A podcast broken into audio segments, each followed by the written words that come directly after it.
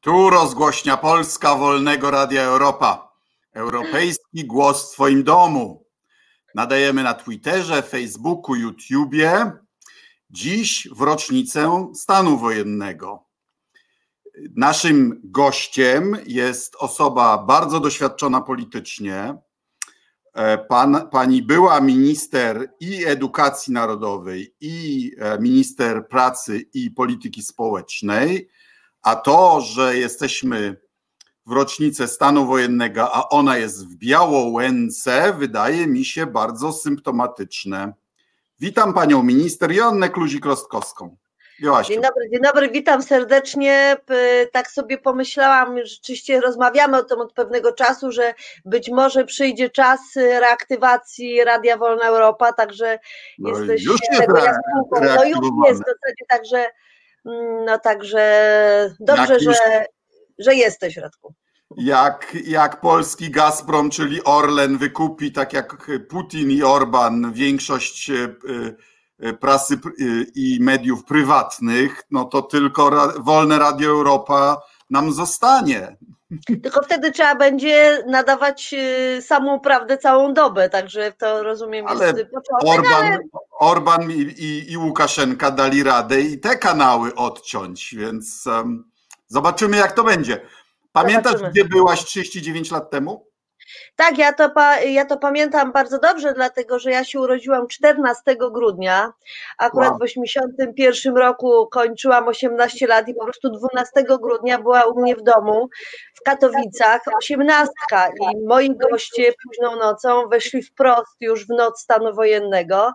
No chciałam powiedzieć, że w Katowicach na Śląsku, gdzie wielkie zakłady pracy, których komuniści bali się najbardziej, tam wszystko było bardzo serio i ten stan wojenny też absolutnie był bardzo mm, serio. Wszystko było y, mm, odcięte, no trzy dni później kopalnia Wujek, także to bardzo, y, bardzo, bardzo ciężki czas, który akurat się nałożył na moją zupełnie prywatną y, osiemnastkę.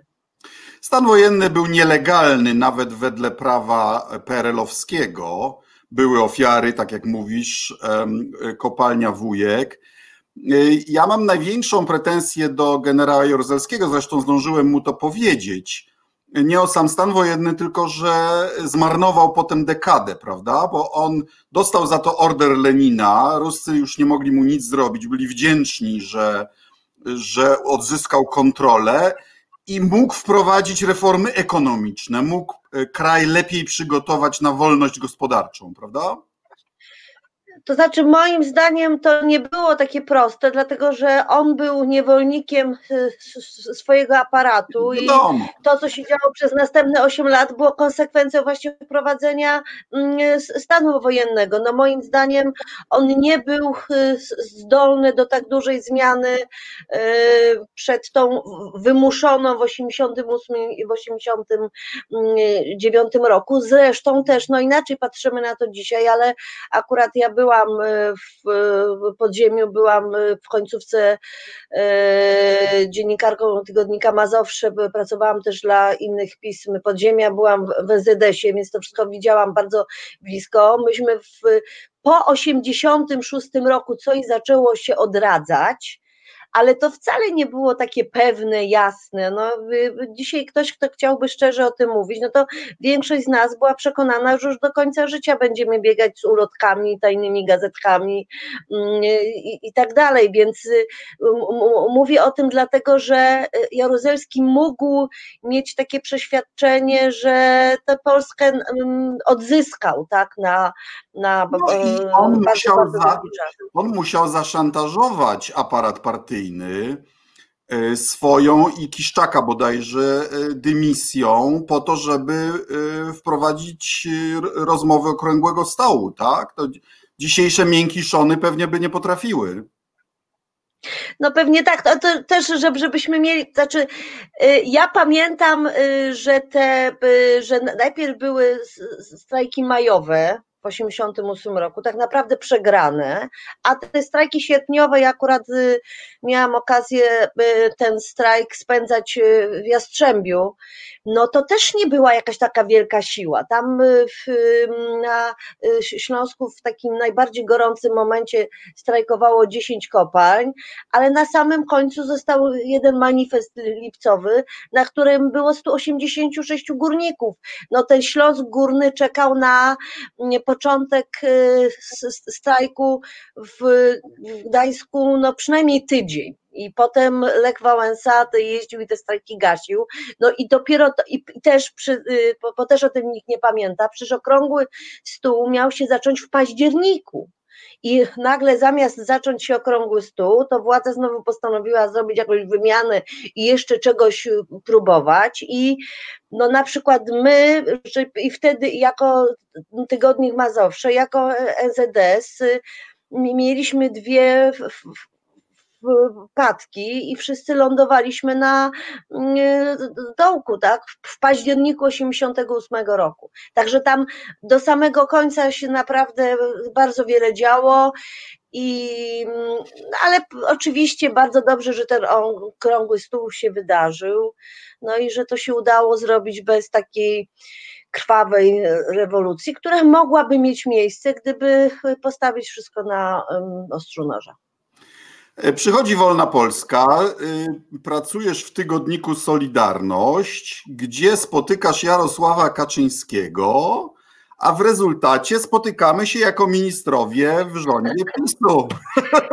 Los bywa bardzo przewrotny, dlatego że y, redakcja, mała redakcja tygodnika Mazowsze y, tworzyła gazetę wyborczą, ale ja bardzo chciałam pisać reportaże, nie chciałam się zajmować takim dziennikarstwem newsowym, w związku z tym poszłam do tygodnika Solidarność, do Tadeusza Mazowieckiego, który był zdystansowany wobec y, y, wyborów, okrągłego stołu, takie to wszystko było, znaczy nie był przeciwny, ale y, nie był w tej samej grupie, w, w której był Tygodnik Mazowsze. No i później, no, kiedy... Bojkotował tam te kontraktowe wybory, prawda?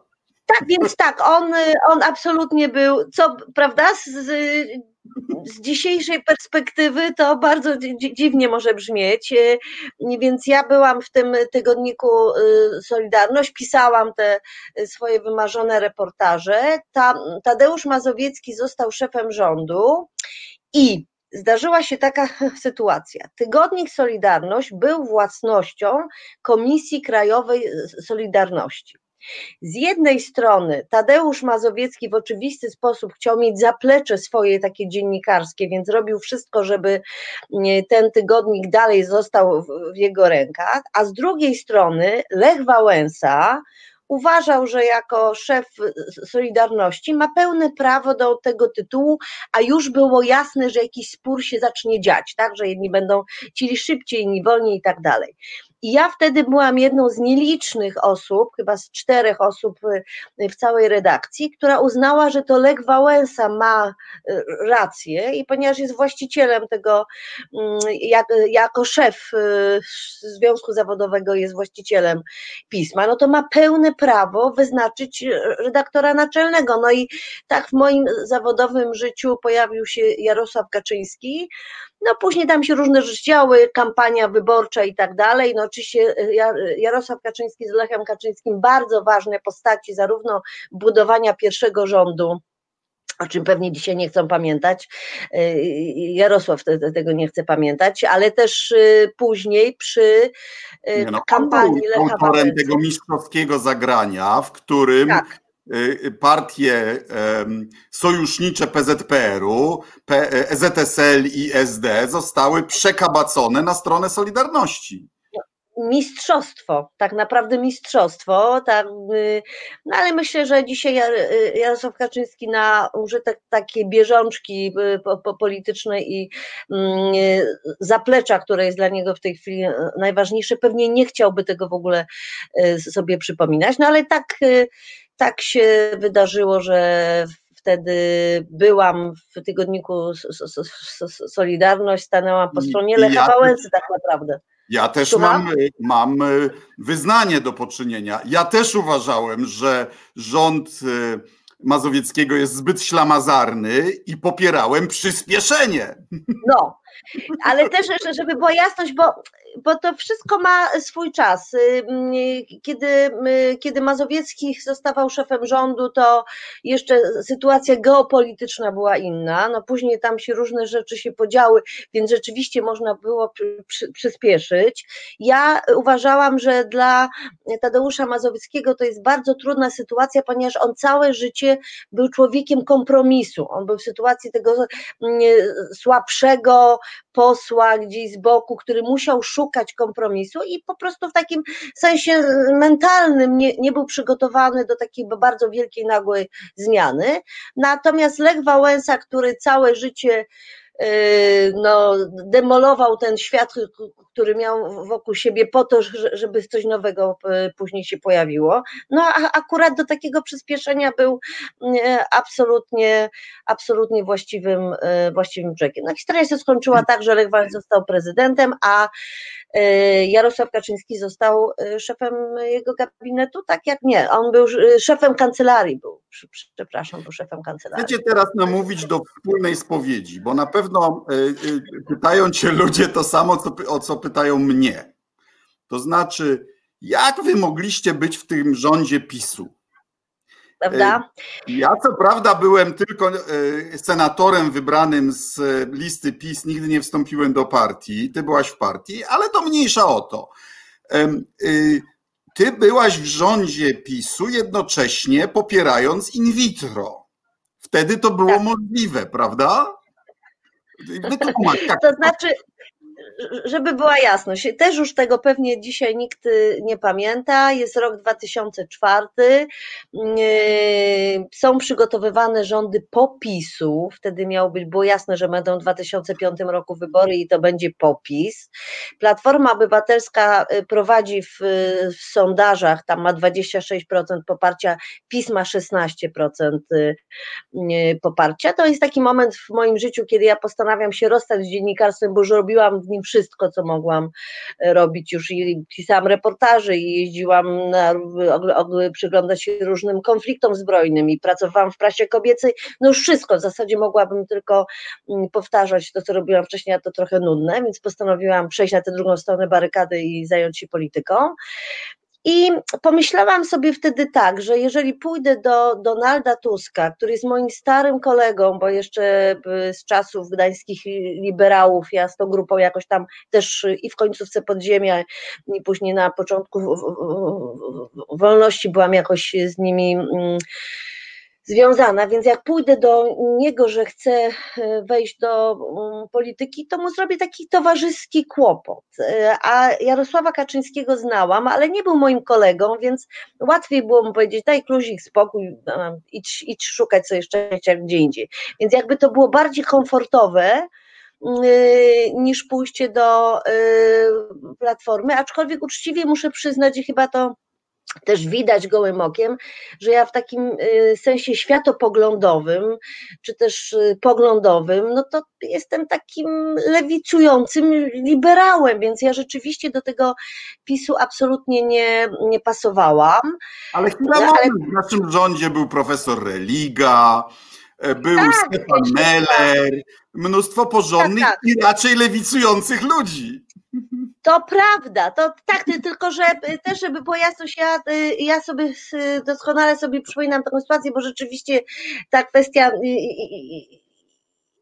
in vitro była tutaj ważna, dlatego że ja y, postanowiłam w tym 2004 roku pójść do Urzędu Miasta i już jakby przygotowywać czy pomagać Lechowi Kaczyńskiemu, bo było jasne, że będzie kandydował na y, prezydenta. I strasznie tam się nudziłam w tym Urzędzie Miasta, no po prostu to straszne, więc wymyśliłam y, portal dla kobiet, politykę rodzinną, no różne rzeczy wymyśliłam, między innymi zostałam pełnomocniczką do spraw kobiet i rodziny, to też funkcja, którą sobie wymyśliłam po to, żeby urzędnicy w, w magistracie traktowali mnie poważnie i, chcieli ze mną współpracować. No i później PiS te wybory wygrał.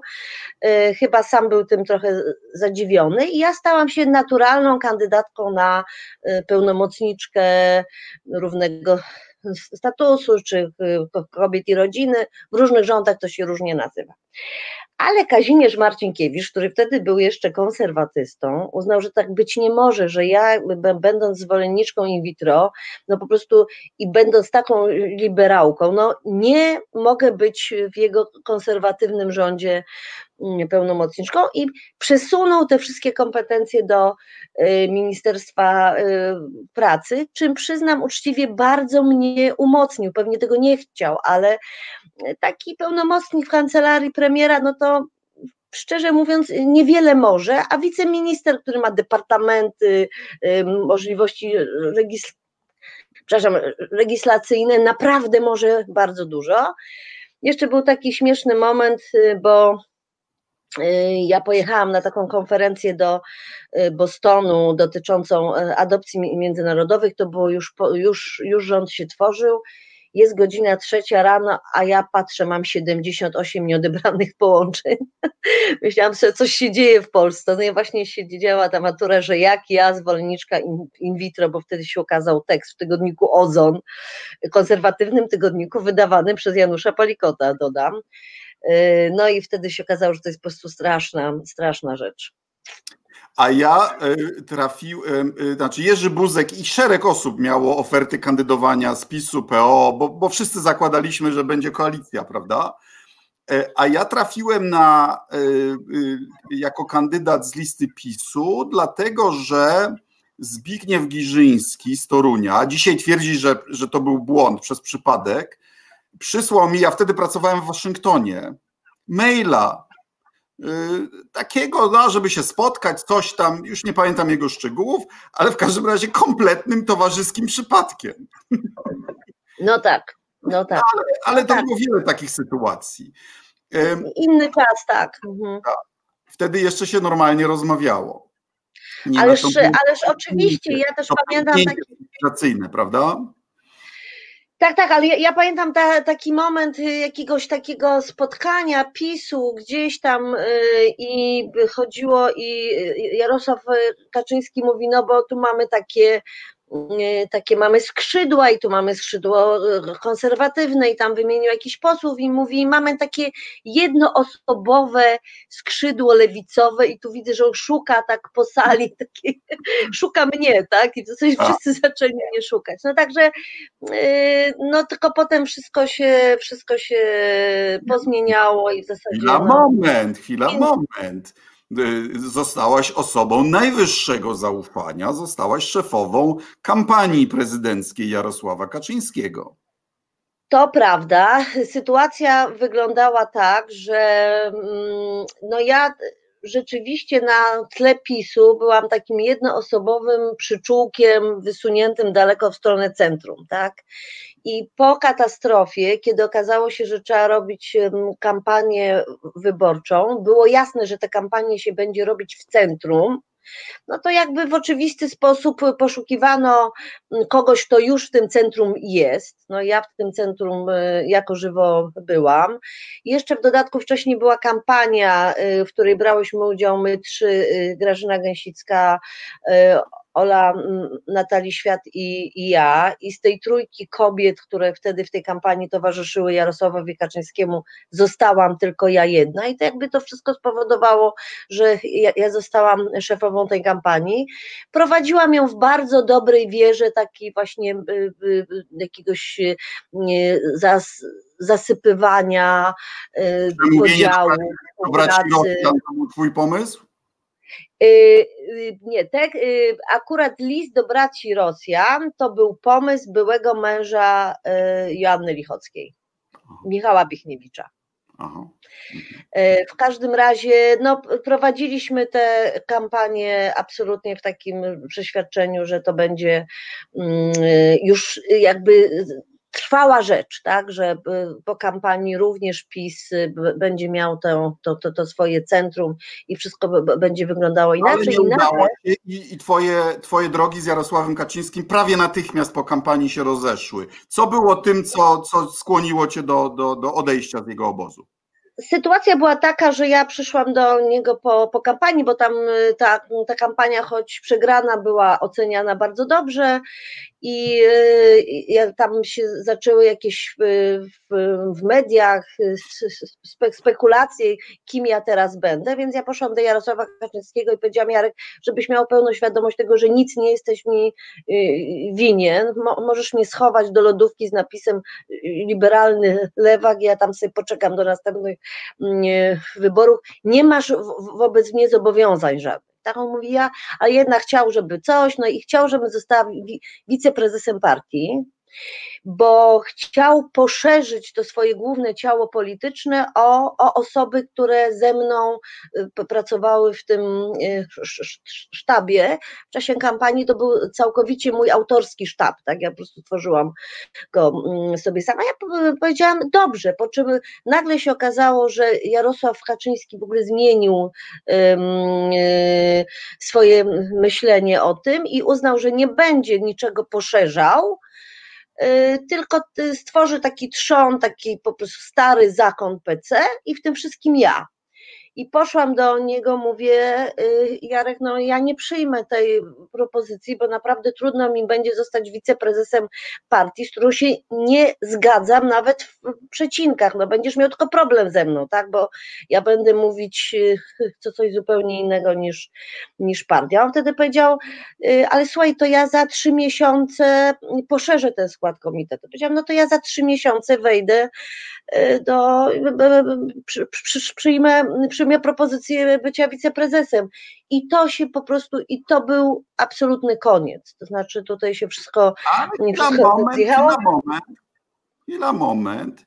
Czy tam jakiejś roli nie odegrał nasz wspólny ulubieniec, e, wice, obecny wiceprezes PiSu, który e, e, chyba poszedł do Jarka i powiedział, że w kampanii on zdradził pamięć Lecha bo niewystarczająco to, dużo było osób.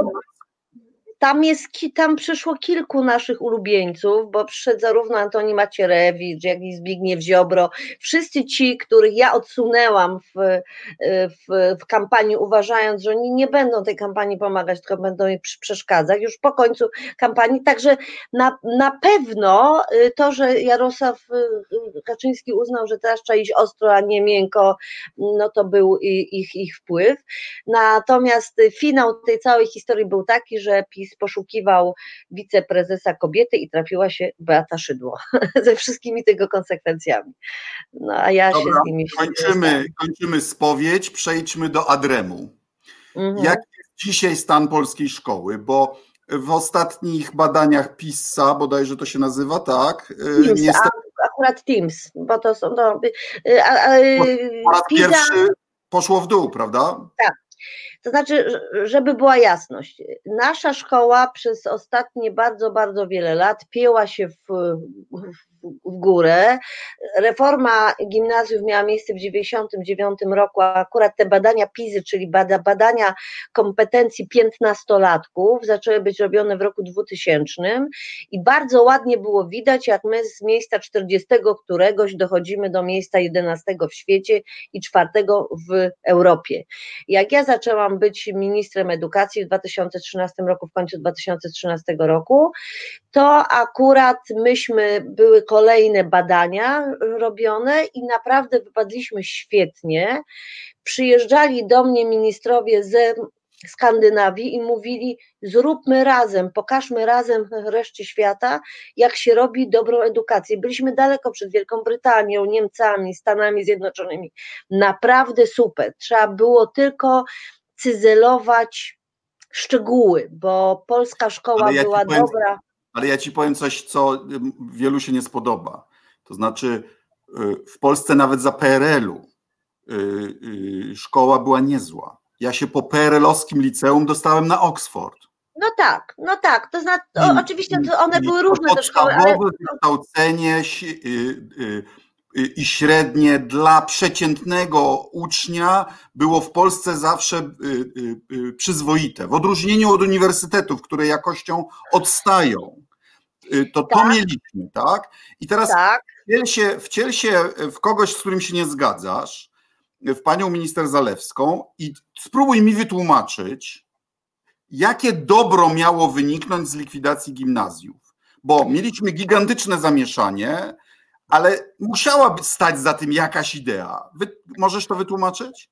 Y, to znaczy, ja to tłumaczyłam bardzo y, prosto. Rzeczywiście na początku funkcjonowania gimnazjów te gimnazja przeżywały trudne chwile. Rzeczywiście tam się zdarzały różne rzeczy, dlatego że przychodziła młodzież w trudnym wieku, a nauczyciele sobie z nimi nie radzili ale przez te kilkanaście lat funkcjonowania gimnazjów powstały świetne zespoły nauczycielskie, bo żebyśmy wszyscy mieli świadomość, że dobra szkoła to nie jest szkoła, w której jest dobrych trzech nauczycieli, tylko to jest taka szkoła, gdzie jest dobry, współpracujący ze sobą zespół. Więc y, część ludzi, część elektoratu, właśnie głównie PiSu, miała w pamięci początki gimnazjów, które rzeczywiście były trudne.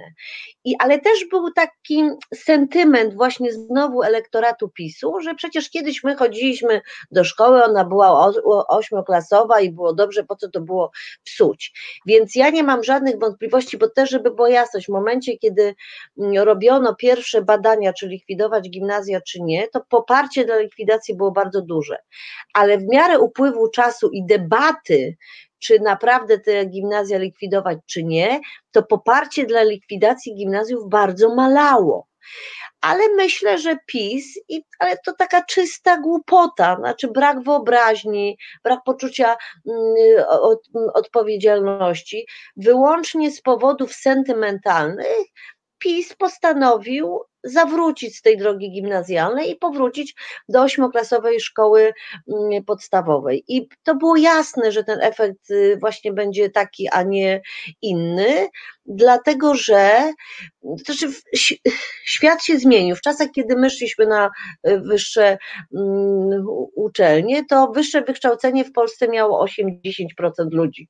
To znaczy, to było zupełnie nawet, jeśli mówimy, że szkoły mm, kiedyś tam były dobre, no to i tak 10% y, uczniów, y, maturzystów, znaczy, przepraszam, 10% z całego rocznika uczniów to byli ci, którzy się wybierali na jakieś studia wyższe. W tej chwili to jest prawie 50%, więc to w ogóle jest inny czas.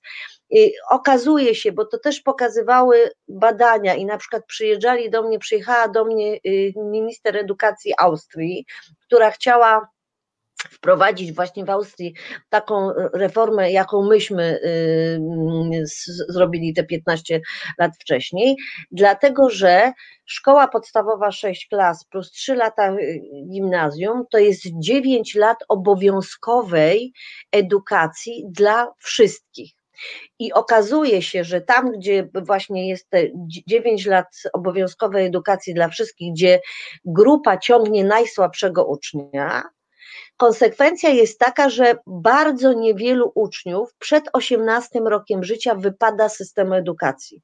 W Polsce to naprawdę były 2%, naprawdę małe grupy y, uczniów. W krajach, gdzie następuje wcześniej selekcja, tych uczniów, którzy wypadają z systemu edukacji przed 18 rokiem życia jest znacznie więcej.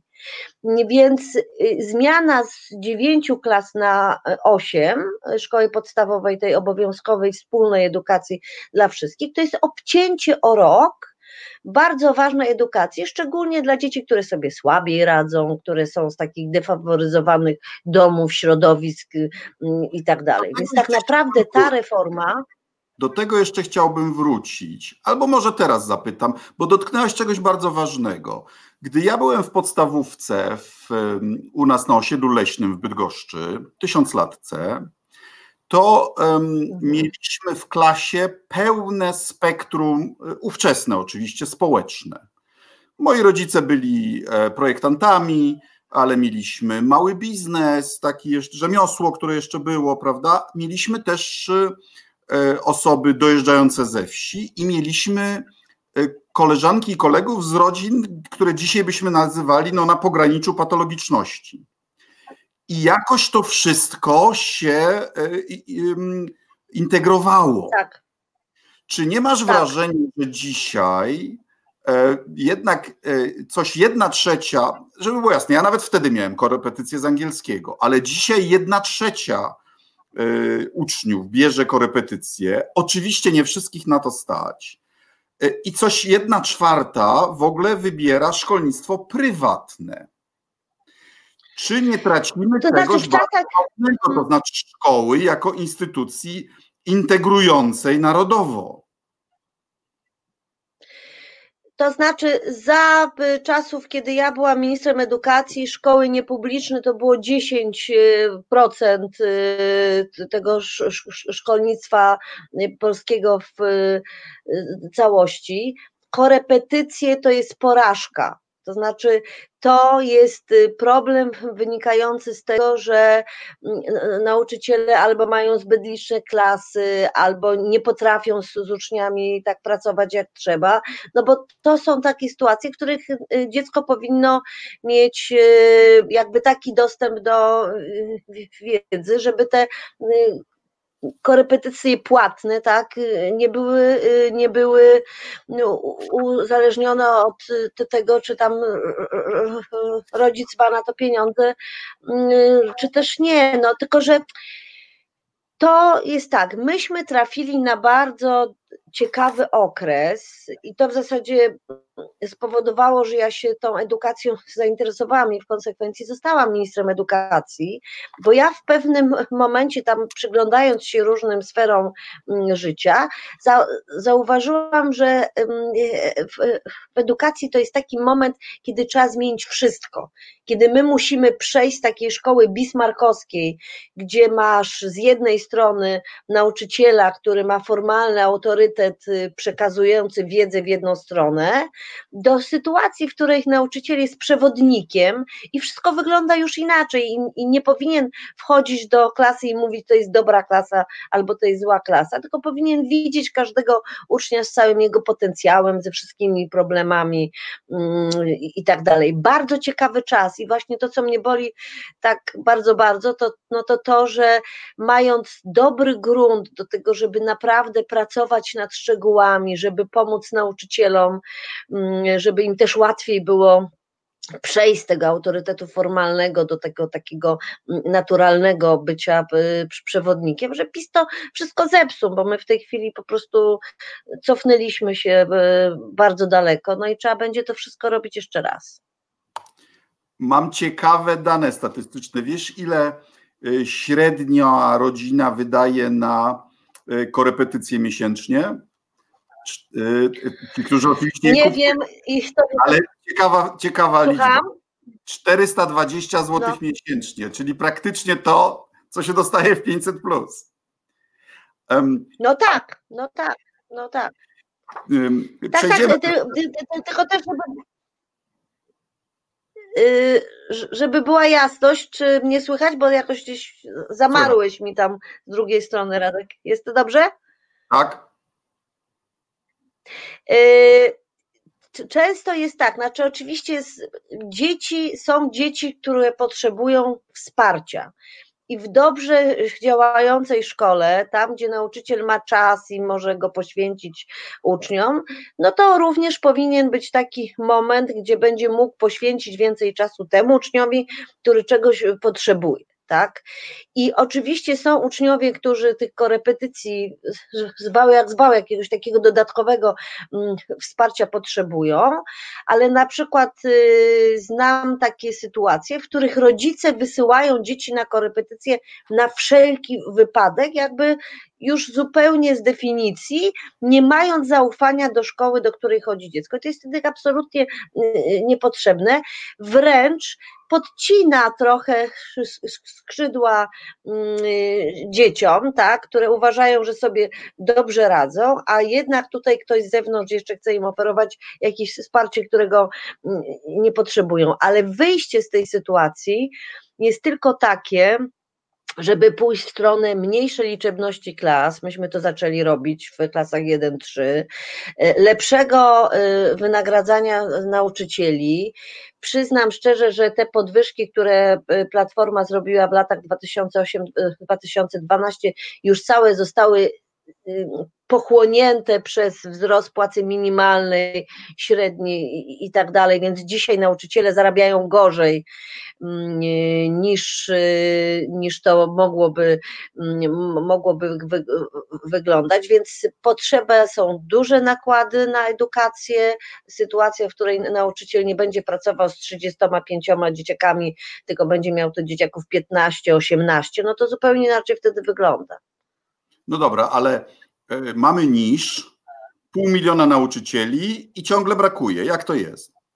No właśnie, to jest, to jest e, bardzo przedziwna mm, sytuacja, dlatego że, że my mamy Y, tam w ciągu 10 y, lat, y, od 2005 do 2015 roku, nie wiem jak to wygląda w tej chwili, te proporcje są jeszcze trochę inne, ale po, pomiędzy 2005 a 2015 rokiem myśmy do systemu dołożyli 15 miliardów złotych, bo w 2005 roku to było 25 miliardów subwencji, a w 2015 to było ponad 40 miliardów subwencji, czyli dosypaliśmy 15 15 miliardów, a w tym czasie ubyło milion uczniów i również ubyło trochę nauczycieli.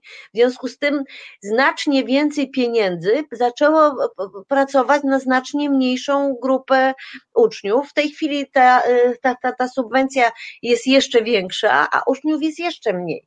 Ale tutaj już nie ma sensu takie dosypywanie po prostu, gdzie to się roz, rozkłada bardzo równo, bez względu na to, czy nauczyciel jest świetny, czy, czy jest słaby, czy tam uczeń potrzebuje, czy Tu są potrzebne poważne zmiany systemowe. I rzeczywiście y, przyszedł taki moment, kiedy te zmiany można było zrobić, ale zamiast zrobić te zmiany, no po prostu PiS zawrócił kijem Wisłę, no i, i w tej chwili mamy y, y, to, co mamy, czyli wyraźne tąpnięcie w badaniach, które pokazują kompetencje uczniów klas czwartych, no a za tym z dużym prawdopodobieństwem pójdzie pewna y, też y, pewne obniżenie dalej, tak. Więc no, jakby w 2020 roku z tej subwencji idzie na nauczanie czegoś, nad czym dyrektor szkoły nie ma kontroli. Mówię oczywiście o nauczaniu religii. E, dyrektor nie zatrudnia, nie ma wpływu na to, kto zostaje nauczycielem e, religii e, i program nauczania też jest tak. formułowany przez instytucję zewnętrzną. Mamy dwie godziny religii tygodniowo w szkołach, to więcej niż niektórych no, klasycznych przedmiotów, prawda? Tak, po kolei. Po, po kolei. doświadczeniach i przemyśleniach zaproponowała. To znaczy, y, sytuacja na przestrzeni ostatnich kilku lat się zmieniła na, naprawdę bardzo. Y, dlatego, że wtedy, kiedy ja byłam ministrem edukacji 2013-2015, to rzeczywiście duża grupa rodziców, mogę śmiało powiedzieć, większość tych rodziców, y, których dzieci chodziły na lekcje religii, uważała, że nie jest źle, że te religia, że, że te lekcje religii odbywają się w szkole, dlatego że przy tym natłoku różnych rzeczy, które z dziećmi trzeba zrobić, szczególnie w dużych miastach, kiedy to wymaga jakiegoś tam przemieszczania się, po prostu lekcje religii w szkole były czymś wygodnym. To, co ja zrobiłam wtedy, to na tyle zmieniłam rozporządzenie, żeby ułatwić lekcje etyki bo praktyka była taka, że dla szkoły lekcje religii były czymś oczywistym, a lekcje etyki już nie. I nawet jak była grupa uczniów, która te lekcje etyki chciała mieć, to zawsze się okazywało, że tam nie wiadomo, czy oni chcą, czy nie chcą, nie ma nauczyciela, więc ja mm, zmieniłam e, rozporządzenie pisząc, że e, rodzic musi wyrazić akces e, czy do lekcji etyki, czy do lekcji religii w formie pisemnej i muszę powiedzieć, że natychmiast ilość lekcji etyki wzrosła o 100%. To nie, nie, nie, nie są jakieś duże liczby. Dobra, brawo, ale, brawo. ale... ale to była sytuacja, y, kiedy ci rodzice jeszcze uważali, że no dobrze, niech te, niech te lekcje będą w szkole. Myślę, że gdybyśmy dzisiaj przeprowadzili takie badania, to zdecydowana większość y, rodziców powiedziałaby nie, my nie chcemy lekcji w szkole. Ale ja jako była minister edukacji powiem tak, ponieważ te lekcje religii dotyczą tak naprawdę każdej religii, to znaczy oczywiście mm, dominująca jest tutaj. Nie, nie, nie, czaruj. Nie czaruj każdej religii, to jest po prostu katecheza, a to nie jest religioznawstwo. No, no bo to jest dobrze, ale ja bym nie chciała brać odpowiedzialności za to. To znaczy, ja, y, ja uważam, że jeżeli to są zajęcia dodatkowe, nieobowiązkowe, które może prowadzić każdy kościół, który ma tutaj swoich wyznawców, no to niech odpowiedzialność za to bierze kościół.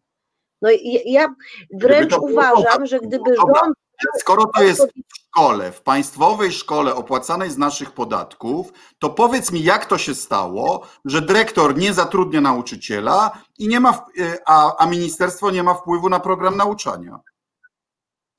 Ja więc y, jeszcze raz, ostatnia rzecz, jaką bym chciała, żeby w Polsce się wydarzyła, to żeby rząd miał wpływ na nauczanie, na lekcje y, y, religii w, w, w, w wielu krajach tak jest. Dlatego, że w zależności od tego, jaki to byłby rząd, taki to byłby program. Ja akurat uważam, że zostawienie kompetencji kościołom w kwestii nauki religii, którą oni prowadzą, nie jest złym wyjściem, tylko uważam, też żeby była jasność, jeżeli chodzi o lekcje religii, etyki i y, przysposobienia do życia w rodzinie, y, to są to lekcje dodatkowe, nieobowiązkowe. I one mogą być raz w tygodniu albo dwa razy w tygodniu. To już jest później inwencja szkoły, kurii, nie, nie wiem, kto tam jeszcze o tym mm, decyduje, że, że, że te lekcje są dwie. Ale ja myślę, że my doszliśmy tutaj przy okazji tych wszystkich strasznych rzeczy, które wychodzą y, wokół działań Kościoła katolickiego, że my jesteśmy w takiej sytuacji, że za chwilę te lekcje religii będą ze szkoły wyprowadzone, więc już nawet y, nie wiem, czy jest sens się zastanawiać. Religia w szkołach chyba jest w konkordacie. Nie są te szczegóły, ale mhm. używanie religii w szkołach jest bodajże w konkordacie i wobec tego Kościół będzie nalegał, aby to pozostało.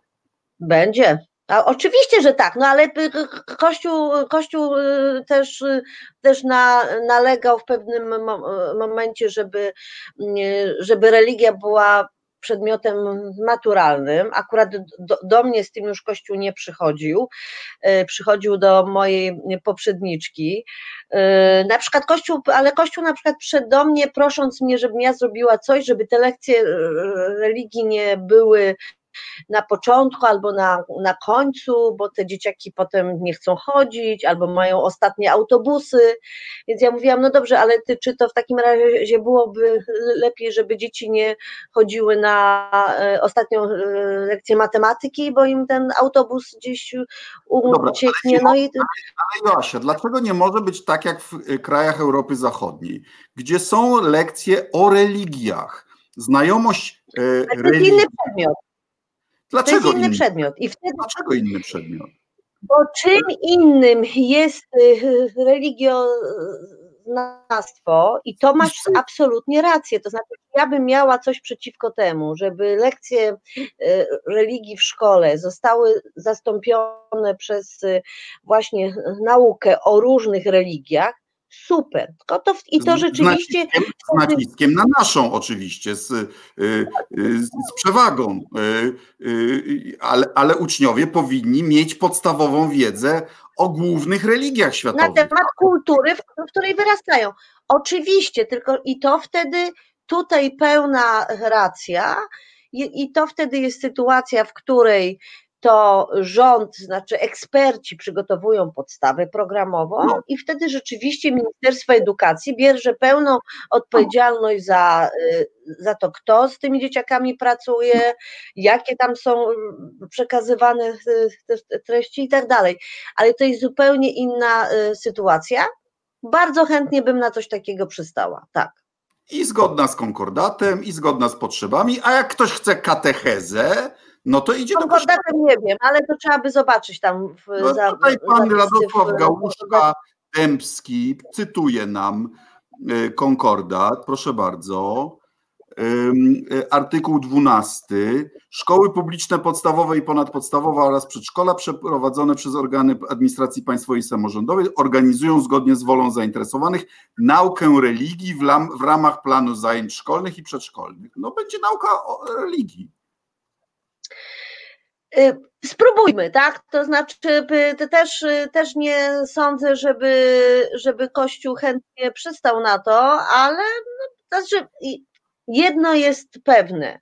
Y, y, uczniowie tak uciekają z tych y, lekcji religii, że to się tam długo nie, nie utrzyma. Tam w, w ponadpodstawowych szkołach, no to na, naprawdę jest bardzo, bardzo duży odpływ i żeby była jasność, Kościół pracował na to ciężko 30 lat, tak, bo to jest efekt takiej, a nie innej formuły pracy, Y, z, y, z uczniami, plus te wszystkie straszne rzeczy, które teraz z działalności Kościoła wychodzą, do których Kościół nie potrafi się odnieść tak, żeby, żeby jakoś y, próbować ratować twarz, no tylko cały czas udaje, że, że tego wszystkiego nie ma, co też im nie pomaga, co też będzie powodowało, że ten odpływ zarówno z lekcji religii, jak i z Kościoła w ogóle będzie bardzo poważny ważne. Bo ja się obawiam, że e, alternatywą będzie, tak jak mówisz, odpływ zupełnie od nawet znajomości podstaw naszej kultury, prawda?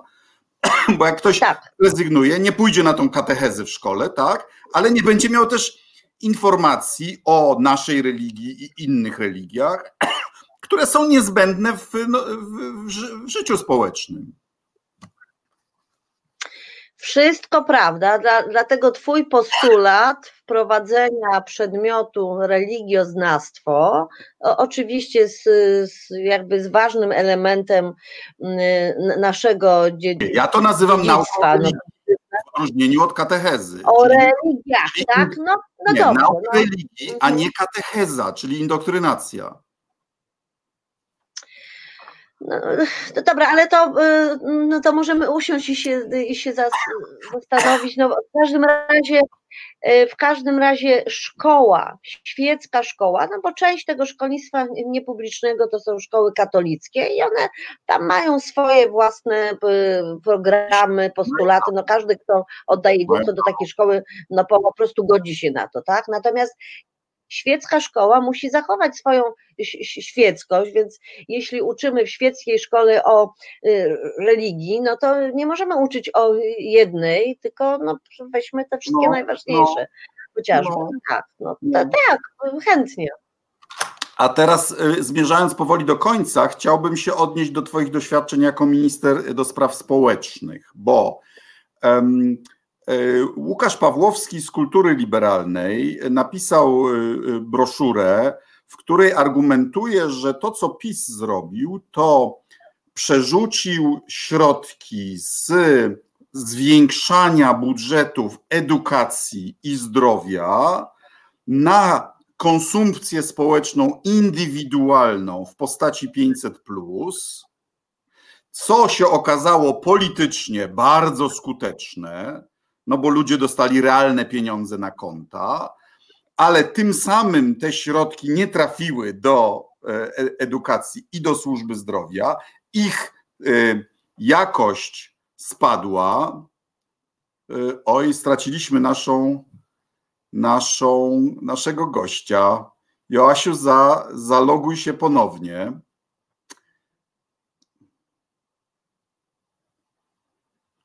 Halo, halo. Mam nadzieję, że pani minister zaloguje się ponownie, bo bez niej nie damy rady. O, chyba e, jest. coś się stało. Więc moje pytanie. Powtórzę moje pytanie. Mianowicie PiS sprywatyzował niejako, ukierunkował indywidualnie politykę społeczną 500, prawda? No ale e, e, e, to oznacza, że mniej nowych pieniędzy poszło na służbę zdrowia, na edukację, prawda? I czy to jest dobre społecznie na dłuższą metę? Bo to oznacza, że ludzie trochę zamożniejsi uciekają od publicznej służby zdrowia i od publicznej edukacji, i narasta nam rozwarstwienie społeczne. Tak. I to chyba nie jest to znaczy, y, ja by. Kiedy zajmowałam się, kiedy byłam w Ministerstwie Pracy, przygotowałam program polityki rodzinnej. On był bardzo wielowątkowy, i wtedy okazało się, że pomoc rodzinom powinna być absolutnie dwojaka. To znaczy, jedna pomoc to jest pomoc wobec tych rodzin, które już te dzieci y, mają, tak? Y, wtedy sytuacja była taka, że 85% rodzin wielodzietnych, czyli trzy, y, trójka dzieci plus, potrzebowały jakiegoś wsparcia państwa, bo sobie po prostu finansowo nie radziły. 85% rodzin wielodzietnych było w tej, w tej sytuacji. Więc dla tych rodzin, które już te dzieci miały, potrzebne było takie wsparcie zupełnie wprost, no na przykład 500, znaczy różnego rodzaju mm, wsparcie, żeby wychowanie dzieci było łatwiejsze, żeby one miały dobry start w dorosłe życie, w dobrym zdrowiu, do, dobrej edukacji i tak dalej.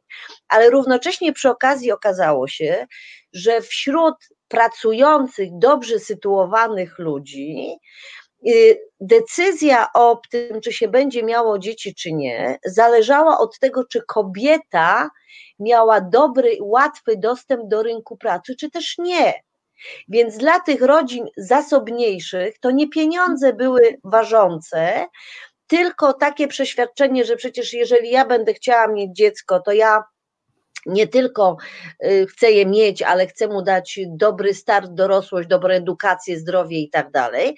Więc ja muszę mieć zabezpieczoną swoją przyszłość zawodowo-finansową na najbliższe 20 lat.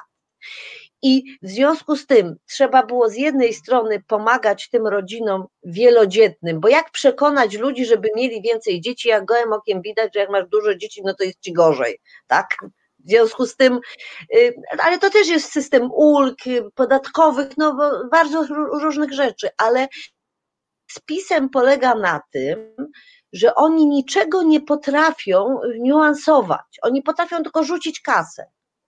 Już wszystkie y, działania, które mogłyby być jakoś tam, że, że część to trzeba dedykować tym, a inną część innym, to już ich przerasta. Oni tylko potrafią sypać kasę. No i to niestety jest. No, no, a z no i jeszcze w dodatku.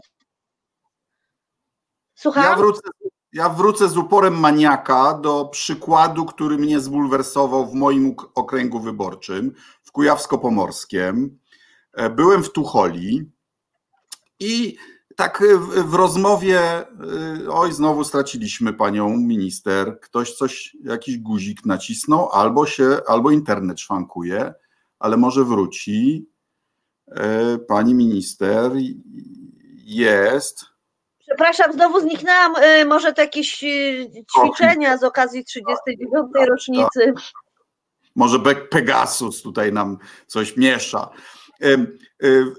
Podam konkretny przykład. Y, Tuchola. Y, y, sympatyczne miasto w moim okręgu wyborczym w Kujawsko-Pomorskim.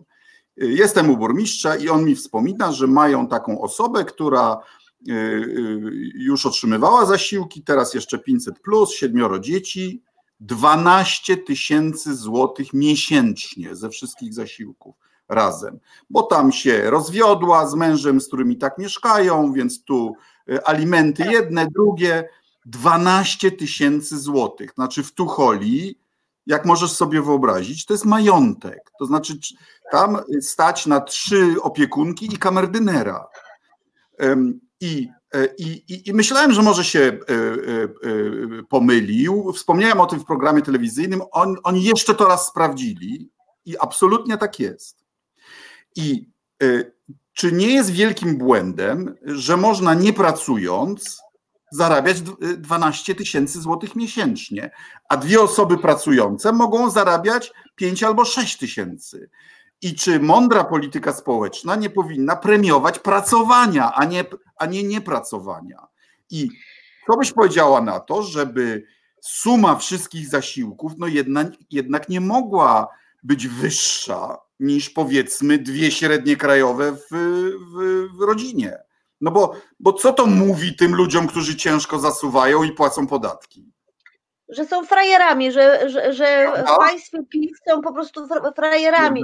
To znaczy to, y, to ma naprawdę swoje mm, skutki dalekosiężne. Y, nie, nie tylko to jest ważne dzisiaj, że to jest po prostu demoralizujące dla wszystkich, którzy pracują i tak dalej, ale to również y, będzie, będzie skutkowało dłuższej perspektywie tym, że zarówno jeden, jak i drugi rodzic nie wypracują sobie świadczeń emerytalnych, więc jak sobie myślimy, że nasze wydatki na te rodziny skończą się w momencie, kiedy dzieci osiągną pełnoletność, nie skończą się, ponieważ ci rodzice, którzy nie wypracowali sobie mm, emerytury, no po prostu będą w dalszym ciągu na naszym y, w takim wspólnym socjalnym utrzymaniu, ale również to pokazuje styl życia tym wszystkim dzieciom, które w tej rodzinie są, tak? To jest taka y, przenoszona z pokolenia na pokolenie,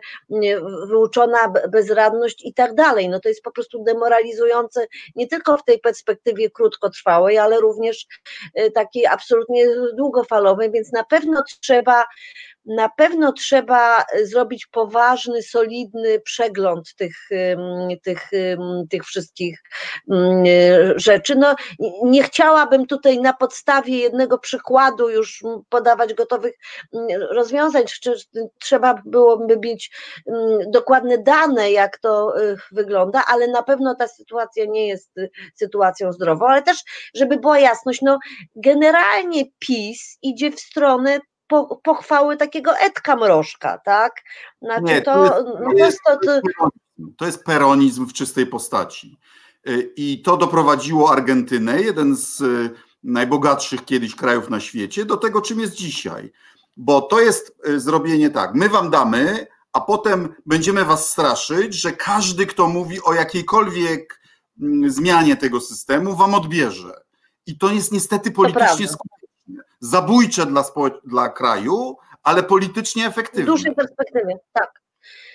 W krótkiej perspektywie politycznie e, efektywne, e, no tak, no, acz, aczkolwiek w perspektywie długiej, no, rujnujące wszystkich, no i znaczy kłopot po, polega na tym, że to, co w tej chwili się wydaje takim dobrem dla tych słabszych grup, no w perspektywie dłuższej te słabsze grupy dotknie bardziej. Znaczy, znaczy to jest y, coś. Niech się, niech się podzielę z Tobą moją pamięcią z Wielkiej Brytanii. Tam jest trzecie pokolenie żyjące z socjalu. Tam są ludzie, którzy już są niezdolni do pracy, nie mają nawyków.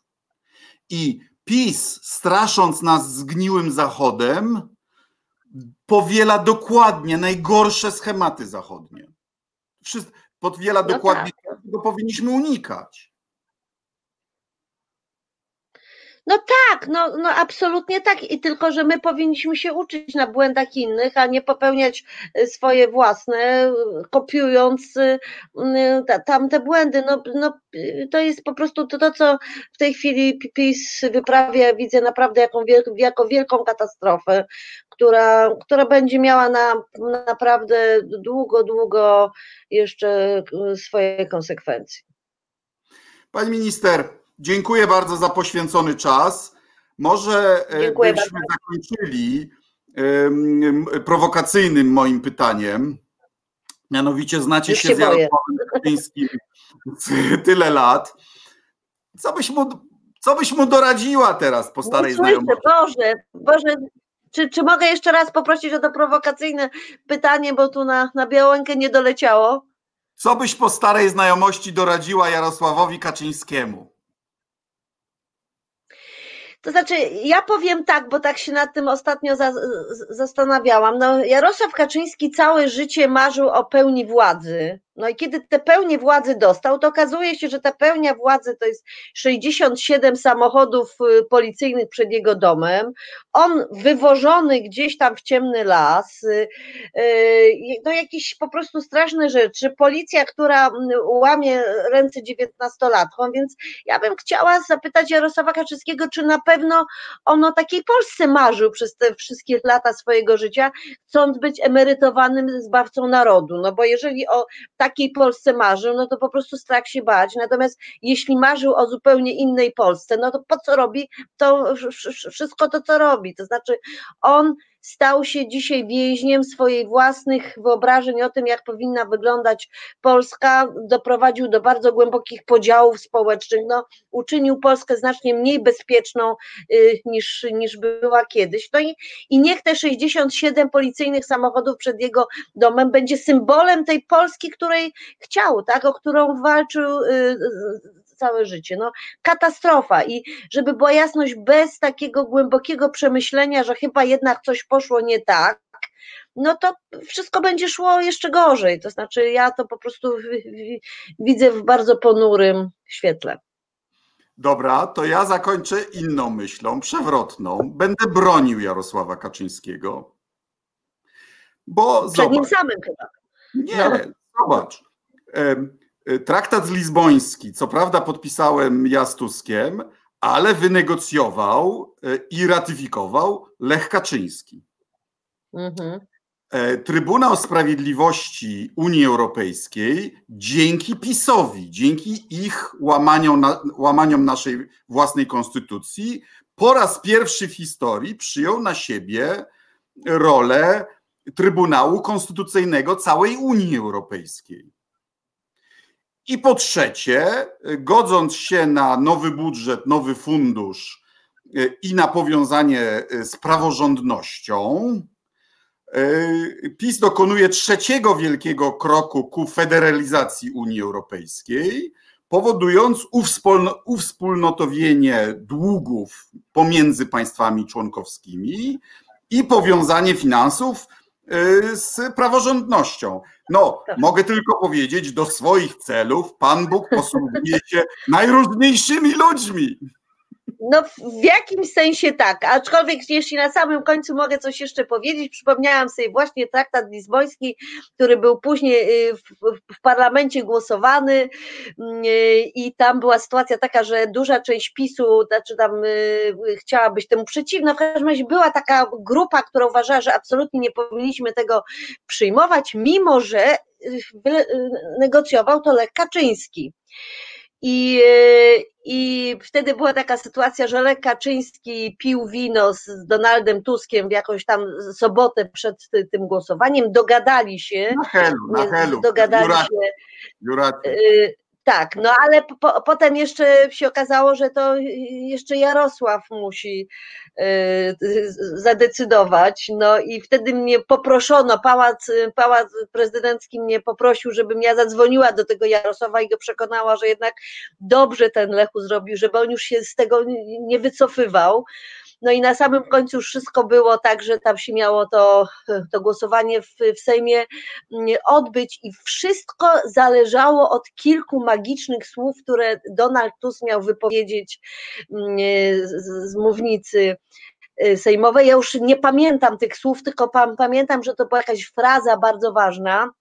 No i Donald Tusk tę bardzo ważną frazę w czasie swojego przemówienia powiedział trzy razy. Pomyślałam sobie, uff, zagłosujemy za. Także to do samego końca, e, do samego końca się ważyło, no ale mm, PiS wtedy zagłosował tak jak trzeba. Joasiu, pani minister, brakuje cię w PiSie. Nie, no dobra, dobra, już. Ale myślę, że, że, że ani ciebie, ani mnie tam nie brakuje i bardzo dobrze, że nas tam nie ma, bo i tak byśmy tam nie wytrzymali, no. Gdyż trzeba byłoby brać, brać współodpowiedzialność za wszystko. No. Lepiej nie. Serdecznie dziękuję za, za rozmowę. Zdrowia życzę. Dziękuję bardzo. Dziękuję Państwu. Do widzenia. Dziękuję. Jeśli się Państwu podobało, to prosimy o szerowanie, lajkowanie, podawanie dalej. Zapraszam na YouTube'a także i zapraszam na kolejny odcinek. Serdecznie dziękuję, bądźcie zdrowi, do widzenia.